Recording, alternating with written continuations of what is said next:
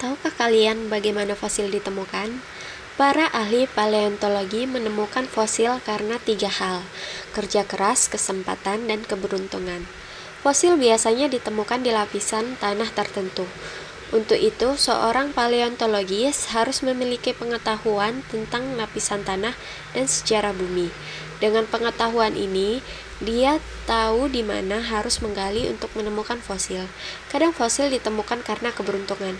Pergerakan lempeng bumi bisa menyebabkan sebuah bukit menjadi longsor, sehingga fosil yang terkubur di dalamnya terlihat. Nah, bagaimana paleontologis bekerja? Paleontologis mempelajari sejarah sebuah daerah. Dari situ, dia tahu bahwa pada masa lalu di daerah tersebut hidup banyak hewan dan tumbuhan. Kemungkinan besar sisa hewan dan tumbuhan ini terawetkan.